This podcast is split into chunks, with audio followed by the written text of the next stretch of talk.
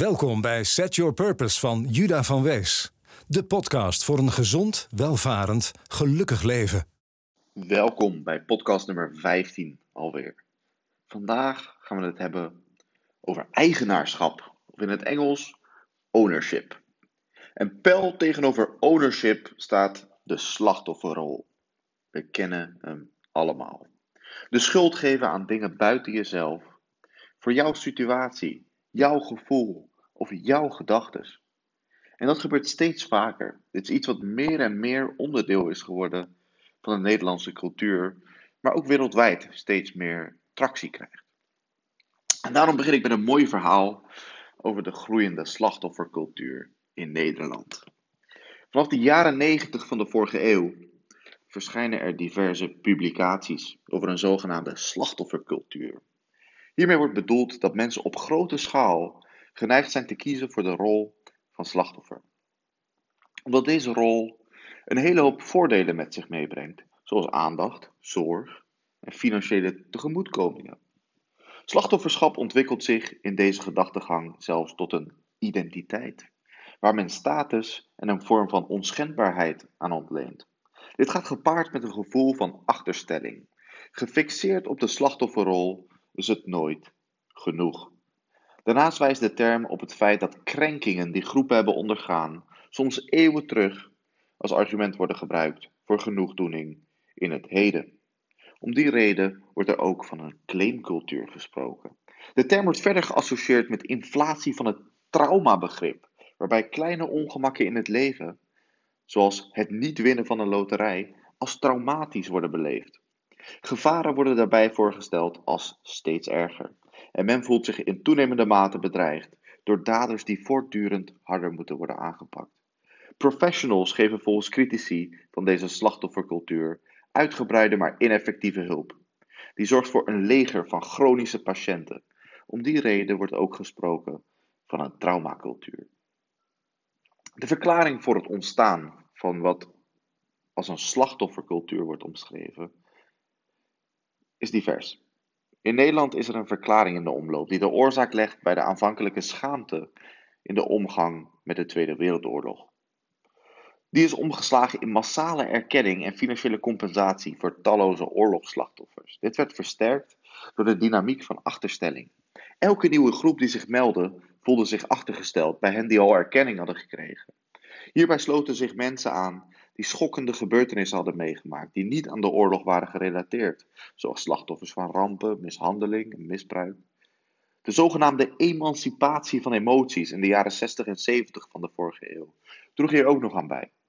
Een andere verklaring beschouwt de slachtoffercultuur als deel van een commerciële mediacultuur. Het publiekelijk tonen van emoties via tv en andere media werd steeds meer geëxploiteerd en werd de basis van status en roem. De toename van het verschijnsel media-hype, de opkomst van het populisme en massale uitingen van rouw in het openbaar droegen hieraan bij. Een derde verklaring legt de oorzaak van de slachtoffercultuur in de zoektocht naar nieuwe bindingen omdat oude gemeenschapsbanden verloren zijn gegaan of vervagen. Door fragmentering van de cultuur is er geen gedeelde moraal meer. Wanneer maatstaven voor goed en kwaad niet meer religieus of ideologisch zijn ingebed, zijn de enige criteria die ons resten de afkeer van vreedheid, de afwijzing van vernedering en de weerzin tegen leed. Ik vond een mooi stukje over het ontstaan uh, en de reden daarvan van de slachtoffercultuur specifiek in Nederland. De slachtoffercultuur is in ieder geval groeiende. De reden daarvan laten we even in het midden. Maar wat is dan een praktisch voorbeeld van iemand die de slachtofferrol pakt? Ik heb wat zinnen bedacht. Ik wilde stoppen met roken en dat deed ik samen met mijn vriend. Maar toen begon hij weer, dus ja. Ja, ja. Dus ja, wat? Dus is jouw doel ineens van de baan? Jouw doel is uh, niet afhankelijk van andere mensen. Kom op is toch jouw doel? Jij wilt toch stoppen? Als jouw vriend alweer begint, moet hij dat lekker zelf weten. Andere. Ik wil een lange reis maken, maar ik wacht tot het wat beter uitkomt. Nee, dit komt nooit uit. Als je dit wilt, moet je het gewoon doen. Andere. Ik ga mijn eigen bedrijf opzetten, maar het moet eerst goed voelen. Het moet eerst veilig voelen. Nee, het gaat nooit veilig voelen. Begin gewoon. Neem risico's. Of doe het niet en hou erover op. Klinkt natuurlijk allemaal heel heftig en hard en confronterend, maar dit zijn allerlei voorbeelden van de slachtofferrol pakken. En dan gelijk aan het begin voor de duidelijkheid: ik ben zeker niet perfect en pak ook zelf heel vaak de slachtofferrol. Uh, dus we kunnen lekker samen op een leerreis om dit steeds minder te doen. Want zometeen gaan we de voordelen noemen van eigenaarschap. Het tegenovergestelde van de rol van slachtoffer pakken. Nou, eerst even wat gedraging om over na te denken om te herkennen of jij wel eens in de slachtofferrol springt. Kijk eens of je dit herkent. Je vindt agressie goed als mensen het verdienen. Je vertrouwt niemand en de wereld is een slechte plaats. Daarom kan je niet gelukkig worden. Je zit in een relatie met iemand die je niet goed behandelt en kan zo het slachtoffer blijven. Je praat, klaagt en zeurt tegen anderen, net zolang tot je je zin hebt. Je gebruikt vaak zinnen als: Jij bent de enige die mij kan helpen. Je neemt wraak op mensen die iets hebben misdaan. Je provoceert mensen tot ze helemaal flippen, maar negeert of maakt je eigen rol hierin kleiner. Je vindt het eng om stappen te nemen, om controle over je eigen leven te nemen. En de belangrijkste vraag is misschien wel: overkomen dingen jou zomaar? Of geloof jij dat jij je eigen werkelijkheid creëert? Jouw leven is jouw verantwoordelijkheid. Deze podcast gaat over eigenaarschap. Jij moet de eigenaar worden van jouw leven, jouw doelen, jouw acties. Als jij je mooiste leven wil leiden en als jij de beste versie van jezelf wilt zijn. Als je dat niet wilt, als je gewoon een middelmatig leven wilt leiden, is dit voor jou allemaal niet van belang. Je hebt één leven en letterlijk alles, maar dan ook alles, geloof dit als ik het zeg. Wat jij in je hoofd kan bedenken, kan je in het echte leven bereiken. En dan kies je ervoor om anderen de schuld te geven van de afwezigheid van succes in jouw leven. Daar heb je toch helemaal geen tijd voor. Wat ga jij er vandaag aan doen? Wat ga jij er nu aan doen om jouw doel te bereiken? Dat is ownership, dat is eigenaarschap. Zit iets tegen? Is de overheid oneerlijk bezig met allerlei nieuwe wetten die jou niet helpen? Wat ga jij er aan doen nu om alsnog te winnen, om jouw doel te bereiken? En eigenaarschap betekent niet dat je geen hulp kunt vragen. Stel je zegt, ik wil morgen drie brochures maken om klanten op de hoogte te brengen van wat ik doe. Maar jij bent geen designer, je bent geen schrijver. Dan zeg je tegen iemand die je kent, hé, hey, jij bent een goede schrijver toch? Zou je mij willen helpen? Dan boor ik een gat in je muur. Voor je nieuwe schilderij. Of dan neem ik je mee uit eten. Of dan maak ik je wc schoon. Dan boeit me niet wat je diegene teruggeeft, als je maar waarde terugbiedt. Je mag mensen vragen om jou te helpen. Als je ze maar een motief geeft om te geven. En ik geef niemand de schuld voor iets. Maar er is dus een soort driehoek van drie rollen die elkaar heel erg in stand houden. En dat zijn de redder, de dader en de slachtoffer. En eentje die heel erg onder de radar blijft, maar wel een sterke, sterke rol heeft in het in stand houden van een slachtoffercultuur, is de redder. En wat zijn dan de kenmerken van zo'n redder? Vaak is de redder de probleemoplosser. Die wil in feite het probleem of de spanning oplossen in een relatie of in een team. Redders die zijn aardig en begaan en hartelijk en sociaal. En meestal goed empathisch ook. Die zeggen dingen als: Ik help je wel. Laat mij dat maar regelen voor jou. Je hebt mij nodig. Ik los het op voor je.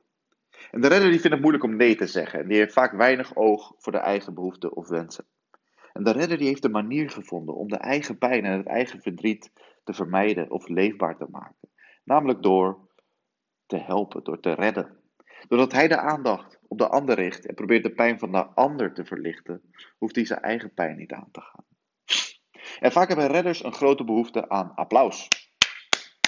Hun behoefte aan waardering, erkenning en respect en hun behoefte aan aandacht vinden zij of vervullen zij door altijd voor iedereen klaar te staan. Andere naam is misschien ook pleaser. Ik, heb, ik ben lange tijd ook, uh, ik herken mezelf wel vroeger in deze rol. Zolang de omgeving maar applaudisseert, blijf je aan het werk om te redden. En in feite tank jij met de waardering van anderen. En wil je, echt wil je gewoon dit hoor. Als jij er niet was geweest, dan was het nooit zo ver, was het nooit gelukt. Ik moest er niet aan denken dat we jou niet hadden. En een reddersrol eindigt bijna altijd in teleurstelling. Het klinkt als een hele dankbare rol. Misschien wel meer dan een slachtofferrol. Uh, omdat je verwacht dat anderen dankbaar zijn. En waardering tonen voor wat je doet.